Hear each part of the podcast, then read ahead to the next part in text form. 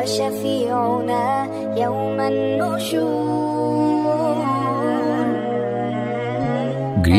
ostavljača namaza Nakon što smo vidjeli kolike nagrade očekuju onoga ko bude redovno obavljao pet propisanih namaza, smatram da je bitno spomenuti i drugu stranu medalje, to jest kako Islam gleda na ostavljača namaza. Islamski učenjaci pisali su zasebna djela u kojima su detaljno obrađivali propise koji se odnose na onoga ko ostavlja namaz, što ukazuje na bitnost ovog pitanja. S druge strane, gotovo da ne postoji knjiga iz oblasti fikha, hadijska zbirka ili tefsir Kur'ana časnog, a da se u jednom od poglavlja ne spominje pitanje ostavljanja namaza. Mnogo je muslimana koji ostavljaju namaz, nesvjesni da je to jedan od najvećih grijeha koje mogu učiniti.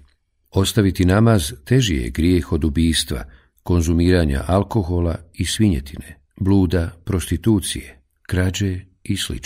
Ibn Kajim je rekao, muslimani se ne razilaze u vezi s time da je namjerno izostavljanje obaveznih farz namaza toliko da prođe namasko vrijeme jedan od najvećih grijeha i da je ostavljanje namaza veći grijeh od ubijstva, bespravnog uzimanja imetka, bluda, krađe, pijenja alkohola, te da se počinjelac tog grijeha izlaže Allahovoj kazni i srđbi i na Dunjaluku i na Hiretu.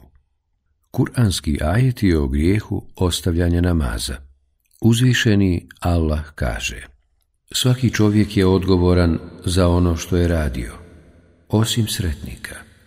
Oni će se u džennetskim bašćama raspitivati o nevjernicima. Šta vas je u sekar dovelo? Nismo, reći će. Bili od onih koji su molitvu obavljali i od onih koji su siromahe hranili. I u besposlice smo se sa besposlenjacima upuštali i sudnji dan smo poricali, sve dok nam smrt nije došla.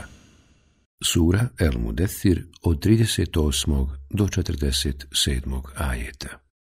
To su ti vjerovjesnici koje je Allah milošću svojom obasuo, potomci Ademovi i onih koje smo snuhom nosili, i potomci Ibrahimovi i Israilovi i onih koje smo uputili i odabrali. Kada bi im se ajeti milostivog čitali, oni bi licem na tle padali i plakali a njih smijeniše zli potomci, koji molitvu napustiše, i za požudama pođoše, oni će sigurno zlo proći. Sura Merijem 58. i 59. ajet Pazi, kada duša dopre do ključnih kosti i vikne se, ima li učača, ljekara, ruke? I on se uvjeri da je to čas rastanka, i noga se uz nogu savije. Toga dana će gospodaru tvome privedeni biti. Nije vjerovao, nije molitvu obavljao, nego je poricao i leđa okretao. A onda svojima bahato odlazio. Teško tebi, teško tebi. I još jednom, teško tebi, teško tebi. Sura El Qiyameh od 26. do 35. ajeta. Hadisi o veličini grijeha ostavljanja namaza. Džabir radi Allahu anhu prenosi da je Allaho poslanik sallallahu alaihi veselem rekao Zaista je između čovjeka i širka i nevjerstva ostavljanje namaza. Hadis bilježi imam muslim. Enes radi Allahu anhu prenosi da je Allahu poslanik sallallahu alaihi veselem rekao između roba i širka ne postoji ništa drugo osim ostavljanja namaza, pa koga ostavi počinio je širk. Hadis bilježi imam Ibn Mađe. Ibn Omer radi Allahu Anhu prenosi da je Allahov poslanik sallallahu alaihi sellem rekao Onaj ko propusti indijski namaz, kao da je izgubio svoju porodicu i imetak. Hadis bilježi imam muslim.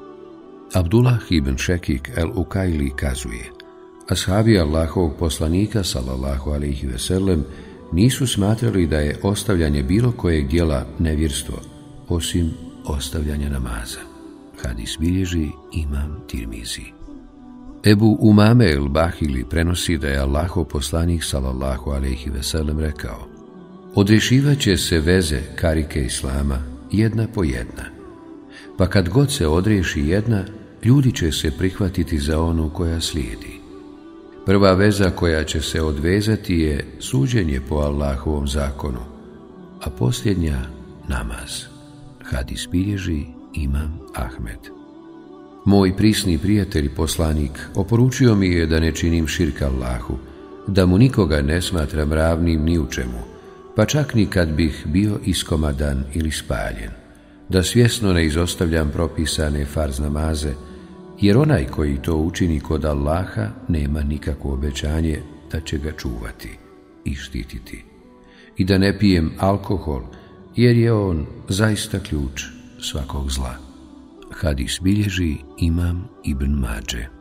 Ubade ibn Samit radi Allahu anhu prenosi da je čuo Allahovog poslanika sallallahu alihi veselem da kaže Allah je ljudima propisao pet namaza, pa ko dođe s njima, i nije ništa od njih izostavio.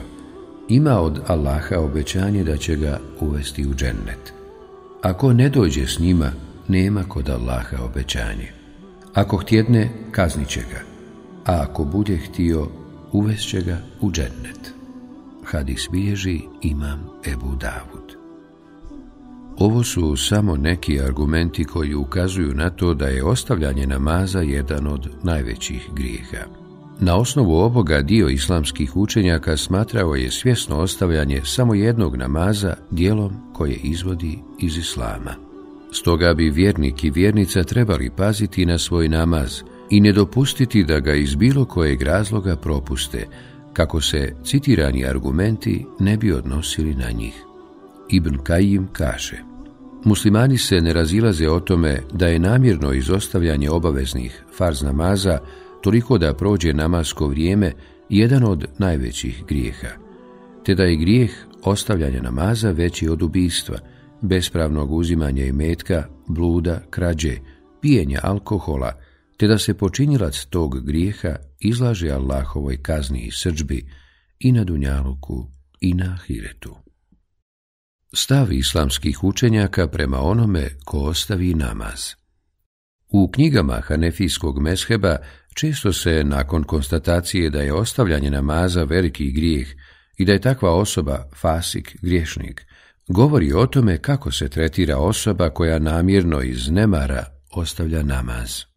Rekli su hanefijski učenjaci, ako bi namjerno iz nemara ostavio namaz, udara se žestokim udarcima sve dok mu ne poteče krv. U drugim knjigama spominje se da se ostavljač namaza zatvara u zatvor dok ne počne klanjati. Treba napomenuti za one koji pomisle da je hanefijski mesheb žestok i strog u vezi s ovim pitanjem, da je taj mesheb u stvari najliberalniji. Bez sumnje to je pokazatelj koje mjesto u islamu zauzima namaz. Vrijednost sabahskog i kindijskog farz namaza Allahov poslanik sallallahu alaihi veselam, u više hadisa posebno je spomenuo bitnost sabahskog i kindijskog namaza, što nedvosmisleno ukazuje na njihovu posebnost. To ne isključuje obaveznost ostalih dnevnih farz namaza zbog mnoštva drugih argumenata koji obavezuju insana na klanjanje svih pet vakata, ali je sigurno pokazatelj odlike ova dva namaza naspram ostalih. Kontinuirano klanjanje sabahskog i kindijskog namaza put je ka džennetu. Ebu Musa radi Allahu Anhu prenosi da je Allaho poslanik sallallahu alaihi veselem rekao Ko klanja sabah i kindiju, ući će u džennet. Hadis bilježe imami Buhari i Muslim. Ebu Zuheir Umara ibn Ruejba radi Allahu Anhu prenosi da je čuo Allahovog poslanika sallallahu alaihi veselem kako kaže u vatru neće ući onaj koji je klanjao namaz prije izlaska i prije zalaska sunca. Misli se na sabah i ikindiju. Hadis bilježi imam muslim. Ebu Hureyri radi Allahu Anhu prenosi da je Allaho poslanih sallallahu alaihi veselem rekao U bdijenju nad vama naizmjenično se smjenjuju meleci dana i meleci noći, a sastaju se na sabahskom i kindijskom namazu. Zatim se oni koji su kod vas noćili uzdižu ka nebu, pa ih Allah koji najbolje zna šta je i kako bilo, pita. U kakvom ste stanju ostavili moje robove? A oni odgovaraju. Ostavili smo ih kako klanjaju, a i zatekli smo ih kako klanjaju. Hadis bilježe imami Buhari i Muslim. Džerir ibn Abdullah el-Beđeli radi Allahu anhu kazuje... Bili smo kod vjerovjesnika sallallahu alaihi veselem, pa on pogleda u mjesec, a bila je noć punog mjeseca, i reče Vi ćete uistinu vidjeti svoga gospodara kao što sada vidite ovaj mjesec, i dok ga budete gledali, nećete osjetiti nikakvu poteškoću. Pa ako ikako možete, nastojte da ne budete spriječeni u obavljanju namaza, prije izlaska i zalaska sunca, nego ih klanjajte, kad ih imami, buhari i muslim. Ašhadu an la ilaha illa Allah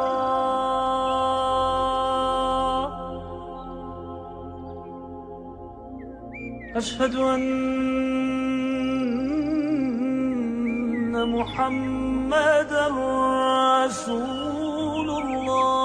Opasnost izostavljanja i kindije Burejda radi Allahu Anhu prenosi da je Allahov poslanik sallallahu alaihi veselem rekao Upropaštena su dijela onome koji izostavi i kindiju. kad bilježi imam Buhari. Podsticanje na obavljanje sabahskog i jacijskog namaza u džematu. Hadisi Allahovog poslanika salallahu alaihi veselem ukazuju nam na posebno mjesto i nagradu za obavljanje sabahskog i jacijskog namaza u džematu. Razlog je jednostavan. To su dva namaza u vremenu kada ljudi borave u svojim kućama i u kojim se odmaraju. Ko klanja sabah i jaciju u džematu, kao da je ibadetio cijelu noć. Osman ibn Affan radi Allahu anhu kazuje da je čuo Allahovog poslanika sallallahu alaihi veselem da je rekao Ko klanja jaci u džematu, kao da je klanjao pola noći, a koji sabah klanja u džematu, kao da je klanjao čitavu noć. Hadis bilježi imam muslim. U verziji koju bilježi Tirmizi, a prenosi je od Osmana ibn Affana radi Allahu anhu, navodi se da je Allahov poslanik sallallahu alaihi veselem rekao Ko bude prisustvovao jaciji u džematu, ima nagradu kao da je u namazu probdio pola noći, a koji jaciju i sabah klanja u džematu, kao da je čitavu noć probdio u namazu. Hadis bilježi imam tirmizi. Ebu Hureyre radi Allahu Anhu prenosi da je Allahov poslanik sallallahu alaihi veselem rekao kada bi ljudi znali kakve ih nagrade očekuju za jaciju i sabah, dolazili bi na njih, pa makar pužući. Hadis bilježe imami, buhari i muslim. Najteži namaz licemjerima Ebu Hureyre radi Allahu Anhu prenosi da je Allaho poslanik salallahu alaihi veselem rekao Za licemjere nema težih namaza od sabahskog i jacijskog a kad bi samo znali šta se u njima nalazi i kakve ih nagrade čekaju za to, dolazili bi na njih, pa makar pužući. Hadis bilježe imami, Buhari i muslim. Stoga ćemo naći da se u hadisima Allahovog poslanika, sallallahu alaihi veselem, posebne nagrade obećavaju osobama koje kontinuirano klanjaju namaz u džematu. Namaz u džematu vrijedniji je od pojedinačnog 27 puta. Ibn Omer radi Allahu Anhu prenosi da je Allahov poslanik sallallahu alaihi veselem rekao Namaz obavljen u džematu bolji je i vrijedniji 27 puta od namaza koji se klanja pojedinačno. Hadis bilježe imami Buhari i Muslim. Ebu Hureyre radi Allahu Anhu prenosi da je Allahov poslanik sallallahu alaihi veselem rekao Namaz koji čovjek klanja u džematu bolji je od onog koji klanja u svojoj kući ili na tržnici više od 25 puta. To je zato što će onaj ko propisno i potpuno uzme abdest i ode u džamiju, a jedini razlog zbog kojeg je izašao bude namaz, sa svakim korakom koji napravi biti uzdignut za jedan stepen i bit će mu oprošten jedan grijeh. Kada klanja namaz, sve dok je u džamiji i dok ne izgubi abdest, Meleti će na njega neprestano donositi salavat, govoreći Gospodaru, oprosti mu, gospodaru, smiluj mu se. On će biti u namazu sve dok bude iščekivao namaz. Hadis bilježe imami Buhari i Muslim.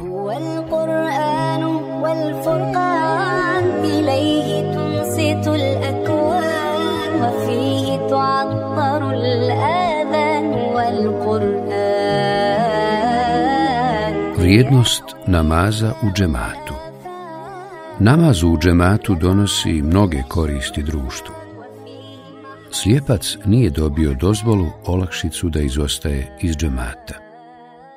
Ebu Hureyri radi Allahu Anhu prenosi da je slijepac došao vjerovjesniku salallahu alaihi veselem i rekao mu Allahu poslaniče, ja nemam vodiča koji bi me doveo do džamije, pa je od poslanika sallallahu alaihi veselem tražio da mu dozvoli klanjati u kući, što je on i učinio.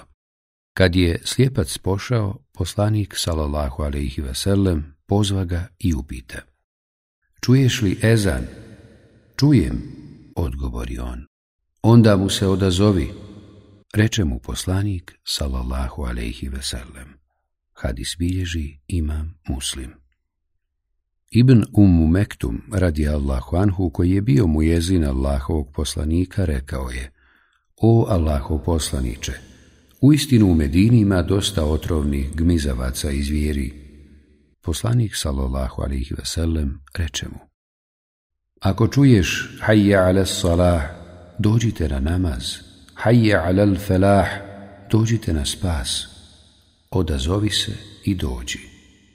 Hadis bilježi Imam Ebu Davud. Poslanik sallallahu alejhi ve sellem razmišljao je da popali kuće onima koji ne dolaze u džemat. Ebu Hureyre radi Allahu anhu prenosi da je Allahov poslanik sallallahu alejhi ve sellem rekao: Tako mi onoga u čijoj je ruci moja duša. Htio sam narediti da se sakupe drva, zatim da se prouči ezan za namaz i da nekom čovjeku naredim da ga predvodi, a da onda odem do ljudi koji ne prisustuju namazu u džematu, pa da popalim njihove kuće. Hadis bilježe imami Buhari i Muslim. Namaz u džematu je put upute. Ibn Mesud radi Allahu Anhu rekao je Koga raduje i veseli da sutra uzvišenog Allaha sretne kao musliman, neka dobro vodi računa o ovim namazima, kad god se na njih iz džamija poziva. Uistinu je uzvišeni Allah vašem vjerovjesniku propisao uputu i njene puteve, a i namazi se ubrajaju u to. Kad biste vi klanjali namaz u svojim kućama, kako to već čini onaj ko klanja u svojoj kući, tada biste napustili sunnet svoga poslanika, salallahu alaihi vasallam, a ako napustite njegov sunnet, zalutat ćete. Vidio sam da između nas namaz u džematu nije izostavljao niko osim očiti munafik, čije je licemjerstvo bilo opće poznato. Ponekad je na zajednički namaz čovjek znao biti donesen između druge dvojice ljudi koji bi ga pridržavali kako bi stao u saf. Hadis bilježi imam muslim. Šeitan je savladao one koji ne klanjaju u džematu. Ebu Derda radijallahu anhu prenosi da je čuo Allahovog poslanika sallallahu alaihi veselem kako kaže Ako trojica ljudi, bilo da su u seru ili pustom i nenaseljenom predjelu, ne uspostave namaz u džematu, takve je šeitan već savladao. Zato se držite džemata, jer uistinu vuk jede ovcu koja se odvoji od stada. Hadis bilježi imam Ebu Davud. Na osnovu spomenutih argumenata zaključujemo da je namaz u džematu legitiman badet, za čije se obavljanje obećavaju ogromne nagrade. Neki učenjaci zastupali su stav da je punoljetnim muškarcima koji čuju učenje zana bez pojačala i mikrofona obaveza obavljanje namaza u džematu. O tom pitanju najmanje se može reći da je to i badet na visokom stepenu pohvalnosti a zbog činjenice da je bilo onih koji su smatrali da je to obaveza, vjernik bi se trebao truditi da bude što redovniji u džematu. Vrijednost pritvrđenih sunneta koji se klanjaju prije ili nakon propisanih farz namaza. Iz svakodnevne prakse Allahovog poslanika, salallahu alaihi veselem, vidljivo je da je posebnu pažnju posvećivao pritvrđenim sunnetima – to jest 12 rekata dobrovoljnog namaza koji se klanjaju uz pet propisanih namaza, pa je za njihovo redovno obavljanje obećao velike nagrade. Postoji više mišljenja kod islamskih učenjaka o tome koji sunneti spadaju u 12 potvrđenih rekata, za koje se obećavaju posebne nagrade. Potvrđeni sunneti po odabranom mišljenju jesu dva rekata prije sabahskog farza, četiri prije i dva nakon podnevnog, te po dva nakon akšamskog i jacijskog. Nagrada onome ko ustraje na 12 rekata potvrđenih sunneta. Kuća u džennetu onome ko ustraje u obavljanju potvrđenih sunneta. Majka pravovjernih Ummu Habiba Remla bint Ebu Sufijan radi Allahu Anha prenosi da je čula Allahovog poslanika sallallahu alaihi veselem kako kaže – nema ni jednog pokornog muslimana koji svaki dan uzvišenom Allahu klanja 12 rekata na file dobrovoljnog namaza mimo farzova, a da mu Allah zbog toga neće sagraditi kuću u džennetu. Ili je rekao, a da mu neće biti sagrađena kuća u džennetu. Hadis bilježi imam muslim. Ibn Omer radi Allahu anhu kazuje – Klanjao sam sa Allahovim poslanikom, salallahu alaihi veselem, dva rekata prije i dva rekata nakon podnevnog farz namaza, dva rekata nakon džume, te po dva nakon akšamskog i jacijskog farz namaza. Hadis bilježe imami Buhari i Muslim. Posebnost dva rekata sabahskog sunneta. Sabahski sunnet na najvišem je stepenu potvrđenosti bitnosti kada je u pitanju 12 rekata potvrđenih sunneta. Taj namaz odlikuje se nad svim drugim na po nekoliko stvari. Allahov poslanik sallallahu alejhi i veselem je posebnu pažnju sabahskom sunnetu. A Iša radi Allahu anha rekla je: Vjerovjesnik sallallahu alaihi veselem, ni u jednom dobrovoljnom namazu nije vodio više računa nego o dva rekata sabahskog sunneta. Hadis bilježe imami Buhari i Muslim. A iša radi Allahu Anha prenosi da vjerovjesnik sallallahu alaihi veselem nije propuštao klanjati četiri rekata sunneta prije podnevnog farza, ni dva rekata sunneta prije sabahskog farza. Hadis bilježi imam Buhari. Dva rekata sabahskog suneta bolja su od čitavog dunjaluka. A iša radi Allahu Anha prenosi da je vjerovjesnik sallallahu alaihi veselem rekao Dva rekata sabahskog sunneta bolja su od čitavog dunjaluka i svega što je na njemu. Hadis bilježi imam muslim.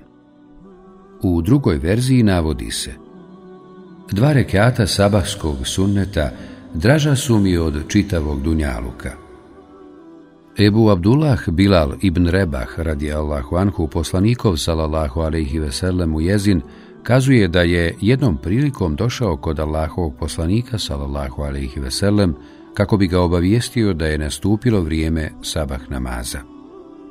Međutim, Aisha radi Allahu anha zadržala ga je pitajući ga o nečemu, pa on sve dok se nije dobro razdanilo nije uspio uraditi ono zbog čega je došao. Tek kad je Aisha završila, Bilal je obavijestio poslanika sallallahu alihi veselem da je vrijeme da klanjaju i to je ponovio više puta.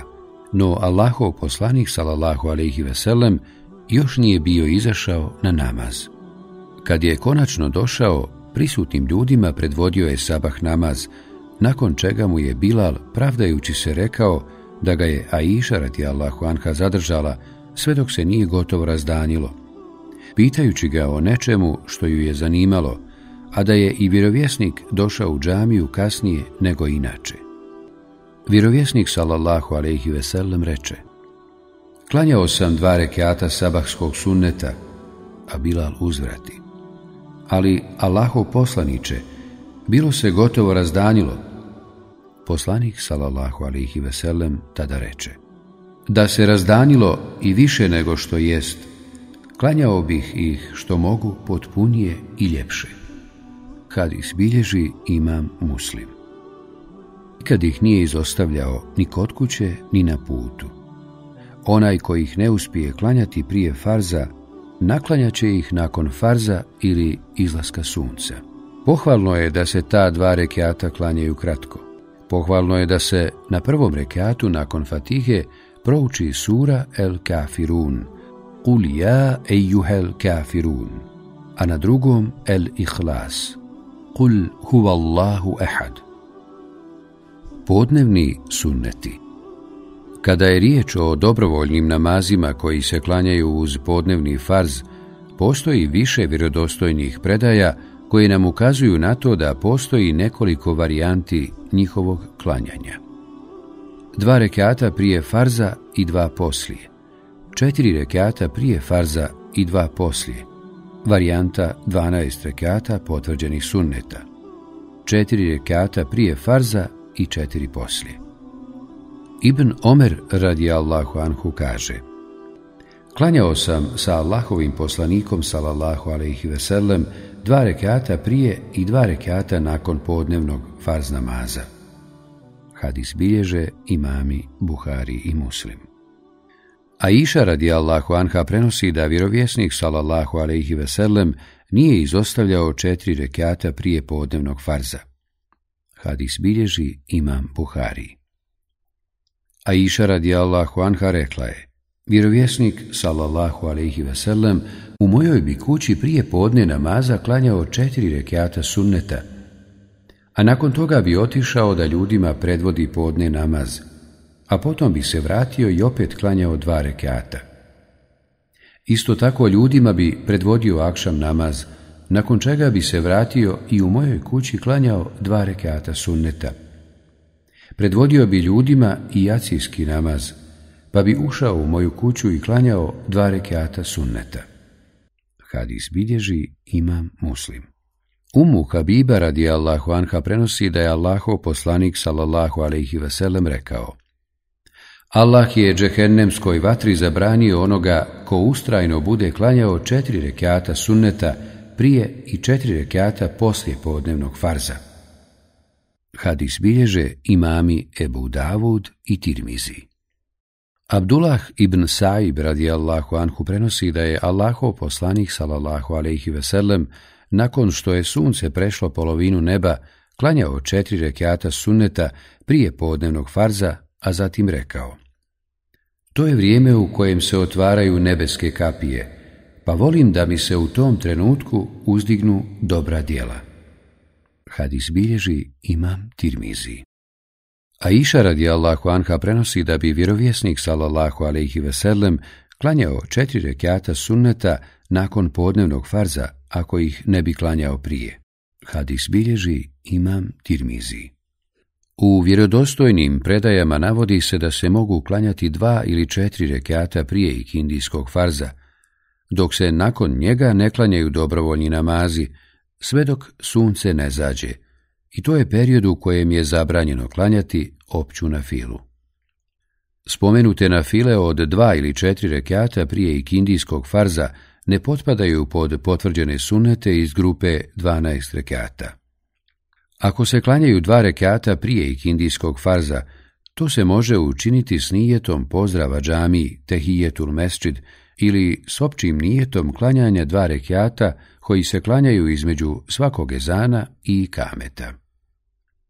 Ibn Omer radi Allahu Anhu prenosi da je vjerovjesnik sallallahu alaihi veselem rekao Allah se smilovao osobi koja prije ikindijskog farza klanja četiri rekata. Hadis bilježe imami Ebu Davud i Tirmizi. Akšamski sunnet prije i nakon farza. Sunnet Allahovog poslanika sallallahu alejhi ve sellem potvrđuje da je prije akšamskog farza dozvoljeno klanjati dva rekeata na file, a koji nisu sastavni dio 12 potvrđenih rekeata, i da se nakon akšamskog farza klanjaju dva rekeata na file, koji su sastavni dio 12 potvrđenih rekata. Ibn Omer radijallahu anhu kazuje Klanjao sam sa Allahovim poslanikom sallallahu alaihi veselem dva rekiata prije i dva rekiata nakon podnevnog farz namaza, dva rekiata nakon džume, dva nakon akšamskog i dva nakon jacijskog farza. Hadis bilježe imami, Buhari i Muslim. A iša radijallahu anha rekla je Vjerovjesnik sallallahu alaihi veselem u mojoj bi kući prije podne namaza klanjao četiri rekata sunneta, a nakon toga bi otišao da ljudima predvodi podne namaz, a potom bi se vratio i opet klanjao dva rekata. Isto tako ljudima bi predvodio akšam namaz, nakon čega bi se vratio i u mojoj kući klanjao dva rekata sunneta. Predvodio bi ljudima i jacijski namaz, pa bi ušao u moju kuću i klanjao dva rekata sunneta. Hadis bilježi imam muslim. Abdullah ibn Mugafel radi Allahu Anhu prenosi da je vjerovjesnik salallahu alaihi veselem rekao Klanjajte prije akšamskog farza. Treći put je rekao, ko hoće, strahujući da će ljudi smatrati njihovo klanjanje obaveznim. Hadis bilježi imam Buhari. Enes radi Allahu Anhu kaže, Vidio sam stare i ugledne ashabe kako se natječu ko će stati iza stubova kako bi klanjao sunnete prije akšamskog farza. Hadis bilježi ima Buhari. Enes radi Allahu Anhu rekao je U vrijeme Allahovog poslanika, sallallahu alaihi veselem, klanjali smo dva rekeata namaza nakon što bi izašlo sunce, a prije akšamskog farsa. Muhtar ibn Fulful upita ga. A je li ih klanjao poslanik, salallahu alaihi veselem? A on odgovori. Viđao nas je kako ih klanjamo i nije nam to ni naredio, ni zabranio. kad izbilježi imam muslim. Enes radi Allahu anhu kazuje. Bili smo u Medini, pa kad bi mu jezin proučio ezan za akšam namaz, ashabi bi požurili da stanu naspram džamijskih stubova, pa bi klanjali dva rekeata sunneta prije farza. Ako bi neki stranac ušao u džamiju, pomislio bi da je namaz već obavljen zbog mnoštva onih koji su klanjali ta dva rekata. Hadis bilježi ima muslim. Jacijski sunnet prije i nakon farza. Prije jacijskog farza, kao što je preneseno u vjerodostojnim predajama, mogu se klanjati dva rekeata dobrovoljnog namaza, zbog općenitosti hadisa koji govore o tome da se između svakog ezana i kameta mogu klanjati dva rekeata koji ne spadaju u 12 rekeata potvrđenih sunneta, i dva rekeata nakon jacijskog farza, koji spadaju u potvrđene sunnete. Ako je osoba raspoložena i ima vremena prije jacijskog farza može klanjati i više od dva rekata, jer je to vrijeme u kojem je dozvoljeno klanjati dobrovoljni namaz. Ibn Omer radi Allahu Anhu kaže Klanjao sam sa Allahovim poslanikom salallahu alaihi veselem dva rekata prije i dva nakon podnevnog farza maza, dva nakon džume, dva nakon akšamskog farza i dva nakon jacijskog. Hadis bilježe imami, Buhari i Muslim. Abdullah ibn Mugafel radi Allahu anhu prenosi da je Allahov poslanik sallallahu alaihi veselem rekao Između svaka dva ezana je namaz, između svaka dva ezana je namaz, između svaka dva ezana je namaz. A treći put dodao je za onoga ko želi. Hadis bilježe imami Buhari i Muslim. Riječi poslanika između svaka dva ezana je namaz, odnose se na opću na filu između ezana i kameta. Nekoliko propisa vezanih za potvrđene sunnete. Vrijednije je da se potvrđeni suneti klanjaju kod kuće nego u džamiji. S tim da ako bi se klanjali u džamiji, time se ne bi napravio nikakav prekršaj. Prenosi Zaid ibn Sabit radi Allahu anhu da je Virovjesnik salallahu alaihi veselem rekao O ljudi, klanjajte u svojim kućama. Uistinu je najbolji onaj namaz koji čovjek klanja u svojoj kući, osim obaveznih namaza. Hadis bilježe imami, Buhari i Muslim. Ibn Omer radi Allahu anhu prenosi da je Virovjesnik sallallahu alaihi veselem rekao Klanjajte neke dobrovoljne namaze i u svojim kućama, nemojte ih pretvarati u mezarija. Hadis bilježe imami, buhari i muslim. Od Džabira radi Allahu Anhu prenosi se da je Allahov poslanik sallallahu alaihi veselem rekao Kada neko od vas klanja namaz u džamiji, neka dio namaza klanja i u svojoj kući, jer uistinu će Allah u kući zbog njegovog namaza dati veliko dobro. Kad izbilježi imam muslim. Svaka nafila koja se klanja prije farza može se klanjati od nastupanja namaskog vremena sve do učenja i kameta za farz namaz, dok se svaka nafila koja se klanja nakon farza može klanjati nakon farza sve do pred istek namaskog vremena. Rekao je Ibn Kudame, vrijeme svakog dobrovoljnog namaza koji se klanja prije farza počinje nastupanjem namaskog vremena pa sve dok se ne počne klanjati farz namaz. A vrijeme svakog dobrovoljnog namaza koji se klanja nakon farza počinje od završetka farz namaza pa sve do pred istek namaskog vremena. Ako se desi da osoba koja ima naviku stalno klanjati potvrđene sunnete bude spriječena da ih obavi u njihovom propisanom vremenu, može ih naklanjati naknadno. A iša radi Allahu Anha prenosi da bi vjerovjesnik salallahu alaihi veselem klanjao četiri rekata sunneta nakon podnevnog farza, ako ih ne bi klanjao prije. Hadis bilježi ima timizi. Na fila koju vjernik klanja nakon farza treba biti odvojena od obaveznog namaza zikrom, govorom, pomjeranjem s mjesta, izlaskom iz džamije.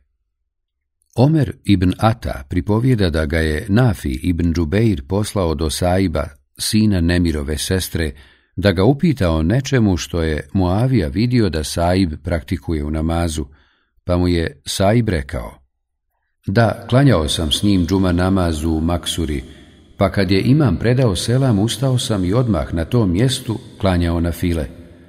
Nakon što je Muavija ušao u kuću, poslao je pomene i rekao mi Nikad više nemoj uraditi onako kako si sad postupio. Nakon što klanjaš farz džuma namaza, nemoj odmah pristupiti klanjanju drugog namaza, sve dok ne progovoriš ili se ne pomjeriš s mjesta na kojem si klanjao. Jer nam je uistinu Allahov poslanik sallallahu alejhi ve sellem tako naredio da ne spajamo namaz s namazom, nego da između njih makar progovorimo ili izađemo. Kad bilježi imam muslim. Ako čovjek čuje učenje i kameta za farz namaz, neće početi klanjati na filu. Ebu Hureyre radi Allahu Anhu prenosi da je vjerovjesnik salallahu alaihi veselem rekao Kada se prouči i kamet za namaz, ne treba klanjati ni jedan drugi namaz osim onog za koji je i kamet proučen. Hadis bilježi imam muslim.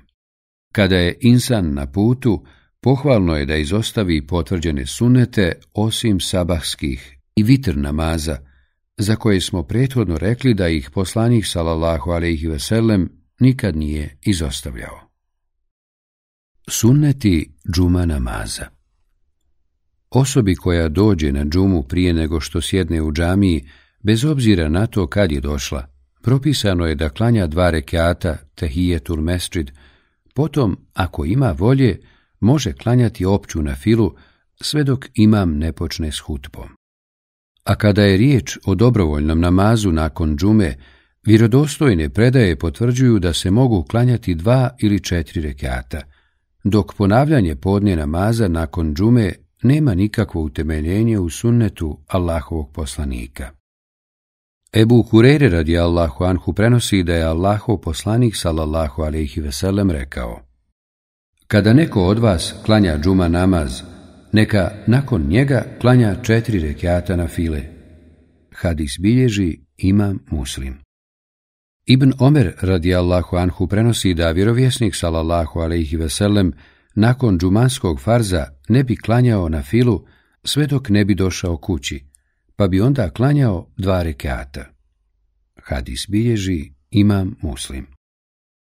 Određen broj učenjaka pokušao je razriješiti prividnu koliziju između ova dva hadisa, pa su rekli da se hadis Ebu Hureyri radi Allahu Anhu odnosi na onoga ko će sunnet nakon džuma namaza klanjati u džamiji, dok se hadis Ibn Omera radi Allahu Anhu odnosi na onoga ko će ga klanjati kod kuće.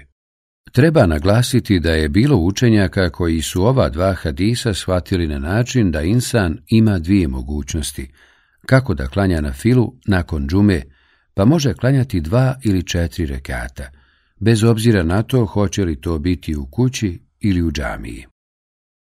Vrijednost jutarnje na file, duha namaza Postoji više vjerodostojnih hadisa koji govori o vrijednosti jutarnje na file, to jest duha namaza.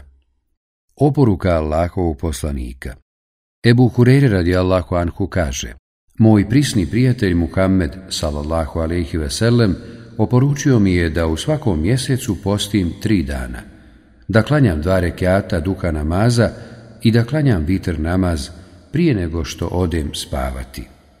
Hadis bilježe imami, buhari i muslim.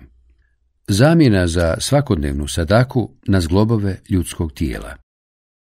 Ebu Zer radi Allahu Anhu prenosi da je vjerovjesnik salallahu alaihi veselem rekao U svakom danu u kojem osvanete na svaki zglob i kost svog tijela trebate podijeliti sadaku.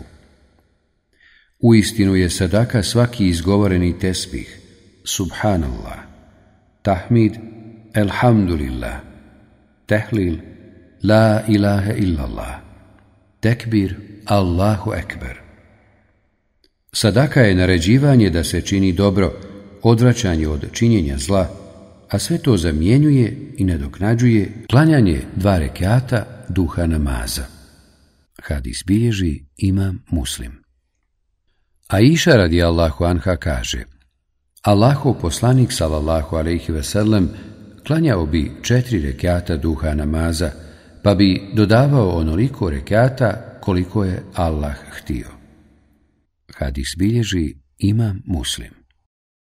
Fahita bint Ebu Talib Allahu anha, poznatija kao Ummu Hani, kaže Allahu poslanik salallahu alaihi veselem ušao je u moju kuću na dan kad je oslobođena Mekka, okupao se i klanjao osam rekata.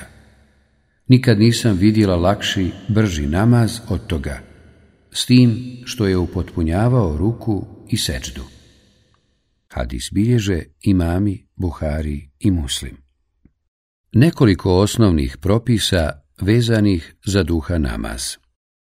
Klanja se u periodu od izlaska sunca, 15 minuta nakon izlaska, sve do predpodne namaz, 15 minuta prije. Može se klanjati svakim danom, čak i na putu. Broj rekata nije preciziran, nego se klanja shodno raspoloženju i vremenu koje imamo na raspolaganju, a minimalno dva rekata. Ako se klanja više od dva rekata, najljepše je da to bude dva po dva, to jest klanjaju se dva rekata, potom se preda selam, potom dva rekata, pa se opet preda selam. Kur'an se uči u sebi. Klanja se pojedinačno, a dopušteno je ponekad i u džematu. Ne postoji poseba nijet, ono što je u ljudskom srcu od želje da klanja jutarnju na filu dovoljno je.